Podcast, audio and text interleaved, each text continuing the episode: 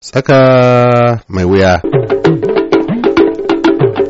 Wato a gurin dai dan siyasa wanda ke jam'iyyar APC ba zai iya cewa an yi kare biri jini ba a wannan tafiyar da ake a yanzu. Idan har kes in ya zo gaban kotun koli ba wani tunanin zai sauya ba abin da zai sauya kasancewar tabbatar da abin da suka yi a yau innan shi za su kara yi duk wani shari'ar da ya zo gaban su mai kama da irin wannan. Jama'a assalamu alaikum barkamu da wannan lokaci barkamu da saduwanmu da ku a wani sabon shiri na tsaka mai wuya. A ranar Larabar makon jiya ne kotun kolin Najeriya ta tabbatar da zaɓen Umaru Fintiri na jam'iyyar PDP a matsayin gwamnan jihar Adamawa ma'ana ya samu galaba a kan hajiya Aishatu Ahmed Benani wacce ta kalubalanci zaɓen da aka yi masa a cikin watan Maris na shekarar 2023. Wannan nasara ta sa yanzu an samu jimillar gwamnoni 21 da suka gabata ko suka bayyana a gaban kotun koli ta Najeriya wacce kuma ta yanke hukunci a kansu. Idan ka dubi alƙalumar yawan gononin da suka gabata a gaban kotun nan za ka ga cewa jam'iyyar APC da ke mulkin Najeriya baki ɗaya yanzu ita ce ta samu gwamnoni a jihohi goma. PDP ta samu tara, jam'iyyar NNPP ta samu ɗaya, Labour ma ta samu ɗaya. Wani abin kulawa game da wannan shari'o'i na kotun kolin Najeriya shine cewa daga cikin dukkan gononin na 21 da aka kalubalanci zabensu ba ɗaya da ta cire dukkansu wanda suke zaune akan kujerunsu za su ci gaba da zama daram damdam akan waɗannan kujeru ɗin.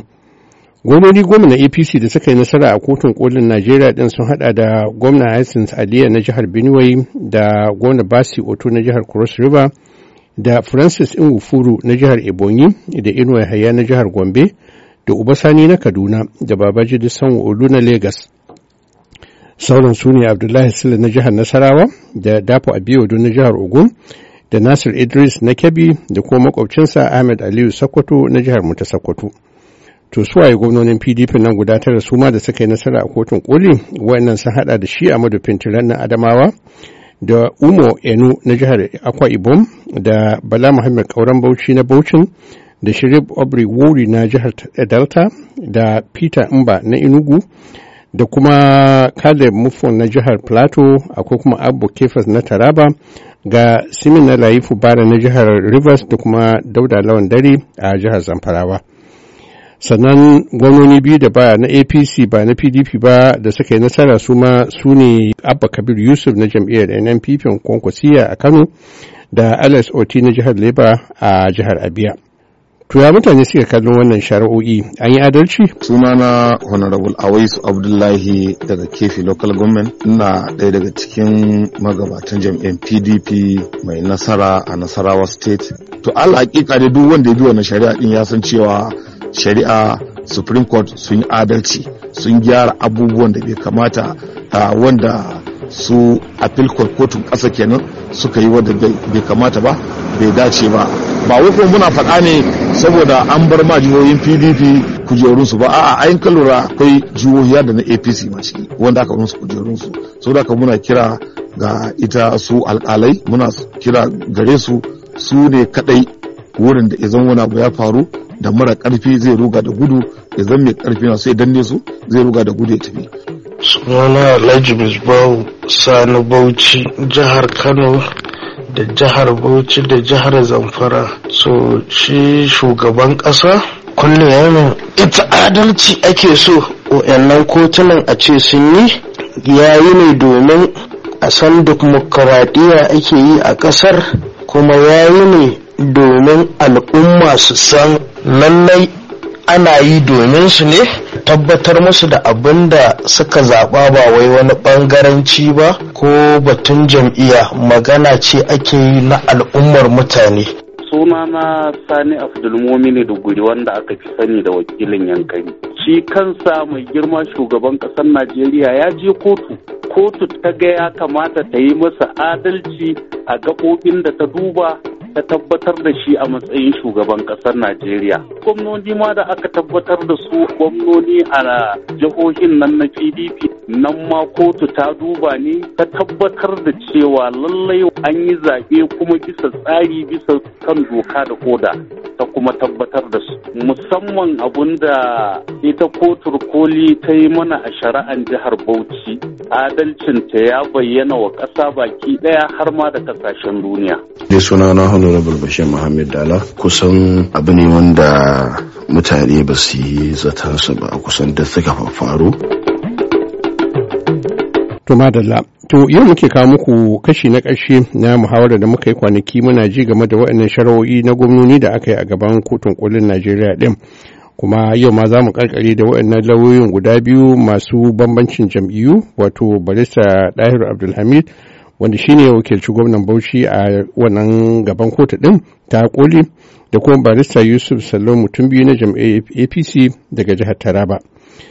daga cikin batutuwan da za ku ji sun taba a yau akwai maganar ya aka yi bello mutawalle ya bari dauda lawan dare ya ƙwace mashi mulki a zamfara ya aka yi shi kuma gonan plateau kalib bufuwan shi ma ya tsallake rijiya bayan kuma ya kasa tsallake wannan rijiya har sau biyu a can baya ba ta da bata lokaci ba ga nasiru da bakinsa. barista yusuf salo mutum biyu mu koma misali kamar jihar zamfara inda tsohon gwamnan jihar bello matawalle yanzu wanda shine ƙaramin ministan tsaro shi ma ya kai kara aka kotun ɗaukaka kara ta yanke hukunci a soke zaɓen wasu ƙananan hukumomi jin guda uku ne inda aka ɗaukaka kara zuwa kotun koli faɗa mana abubuwan da kuka dogara da su a jihar zamfara da kuke ganin shi matawalle ne dace dawo gwamna a lokacin. To, kamar yadda ka sani a jihar Zamfara jiha ce ta jam'iyyar APC wacce jam'iyya ce ta adawa take mulki a wannan jiha shekara aru-aru. Kuma a lokacin da aka yi wannan zaɓe jam'iyyar APC da ita ce take kan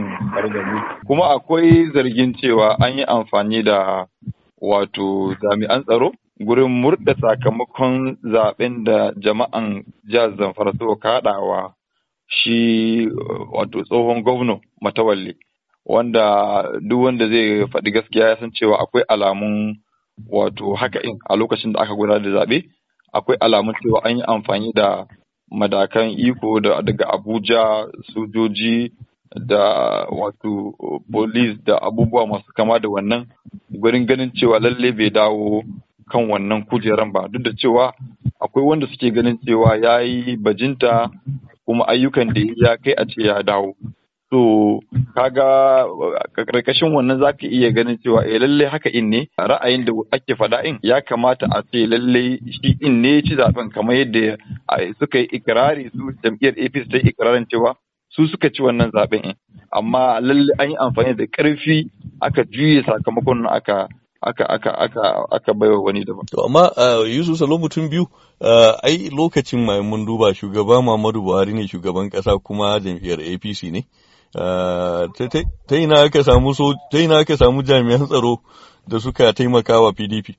Kai malam nasiru kai dan jarida ne kuma ka san abubuwan da suka faru. A idan ya kasance shugaba so da yawa akan samu saɓani za ga wasu makarrabai ko da ko ba shugaban ba ne ya ce ayi za ga wasu makarrabai wanda suke da wato ƙarfi a hannu sukan yi abubuwan da ya saba doka gurin juya tafarkin adalci su tabbatar da zalunci. Wannan abu ne wanda ya sha faruwa a Najeriya ba sai an gaya maka ba. Wato shikenan barista Dairu Abdulhamid kana da abin da za ka faɗa kan jihar Zamfara cewa an yi amfani da jami'an tsaro wajen tsorita masu zaɓe shi yasa jam'iyyar PDP ta yi nasara Zamfara. To, yalla banka abin da ni nake so ka lura. Idan har mutum ya ce an yi haka ɗin ba ga kotu ba, ta ce fa idan har an yi hakan ka zo gaban kotu ka tabbatar da hakan. Ana shirye da a soke wannan zaɓen a je a sake ka zo kotu ka kawo korafinka a ciki baka iya ka faɗi wannan maganan ba. Sama ka faɗa an ce kawo shaida baka iya ka kawo ba. To idan Allah za a yi amfani da magananka a wannan yanayi ba abin da ya tabbata a kotu ta hanyar shaidu shine kotu za ta yi amfani da shi ba? Na yi hira lokacin da tsohon mataimakin gwamnan jihar zamfara hassan nasiha gusau ya ce akwai jami'an tsaro da suka yi ta dukan yan apc a jihar suka cici musu mutunci shi yasa suka kasa ma kaɗa kuri'a da yadda ya dace. Na'am sai suka ki fitowa su yi zaɓe ɗin kenan. Eh sai suka sun ta wato ma'ana yi amfani da jami'an tsaro sun sun taimaka wajen faduwar ita gwamnatin Bello Matawalle a lokaci.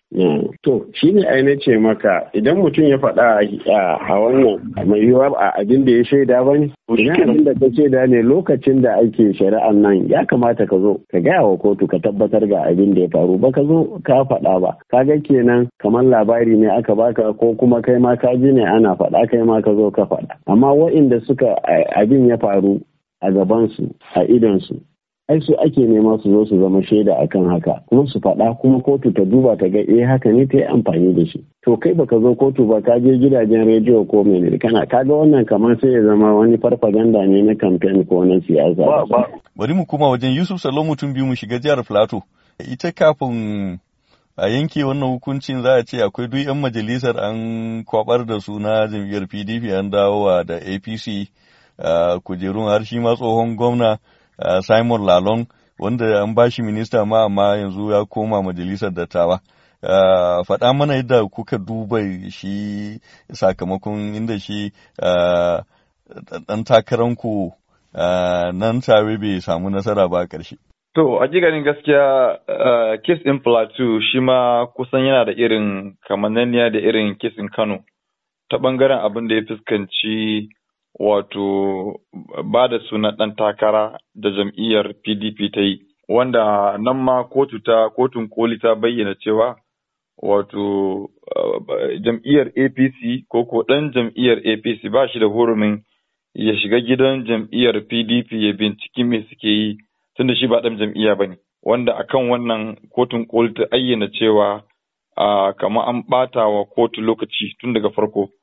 Shi ne kamar suka yi suka ba da cewa is abuse of court process. Cewa bai ma dace ba ma asali kamar walakanta ɓangaren judiciary ne a ce an kai an kai abun gaban kotu. Kasancewar ba su da alaka da abin da ya fuskanci congress da kuma primary election na wato zaɓen fidda gwani na jam'iyyar PDP. Amma kuma abin bakin ciki akwai wanda wannan al'amarin ya riga ya shafe su har sun bar ma kan kujerunsu saboda wannan abun nan wato hukunci da kotun kotun ɗaukaka ƙara ta bayar court of appeal kenan wacce ta bayar tun a baya ta faɗi cewa wayannan abubuwa da aka yi akwai infractions akwai wato rashin bin doka wurin fitar da 'yan takara wanda ya kai ga an nuna cewa ba ma 'yan takarar ma jam'iyyar PDP ba ne wanda ya kai ga sun sun yi asaran kujerunsu ta sanadiyar haka. So amma abin bakin ciki shine ba su samu damar zuwa Supreme Court ba saboda doka ba ta ba su daman su isa zuwa kotun koli ba. To wannan da shine a taƙaice abin da zan faɗa kan abin da ya fuskanci jihar Plateau. Barisa Yusuf Salo mutum biyu duba mana sauran kararraki za a ce an yi kare biri an yi kare kare jini biri ke na wannan sakamakon shari'un zuwa yanzu ko kuma akwai wani abu da kuke hangowa na daban. Hato a gurin dai dan siyasa wanda ke jam'iyyar APC ba zai iya cewa an yi kare biri jini ba a wannan tafiyar da ake a yanzu. Kasancewar idan ka duba irin salon da ita kotun koli ta ɗauka a yanzu ta ɗauko wani salo ne salo ɗaya na cewa kawai duk abun da technical abu ne kawai bai kamata a ce wannan in ya sa an rusa zaɓe ba. So kaga ta ɗauko wani hanya ne wacce a mahanganta hanya ce wacce shine maslaha ga ƙasa a yanzu, maslaha ga zaman lafiyar mutane da kuma tabbatar da wanzuwar dimokuraɗiyya. Kuma kai tsaye ba za ka iya zargin su akan haka ba, saboda suna da hujjojinsu na yin haka. So ban tsamman za a samu wani sauyi a sauran shari'an da suka rage nan gaba sauyi musamman waɗanda suke da kamanneniya da irin waɗanda suka gabata na Kano na Zamfara na Plateau da, kaman wani state na kudu Lagos da sauransu.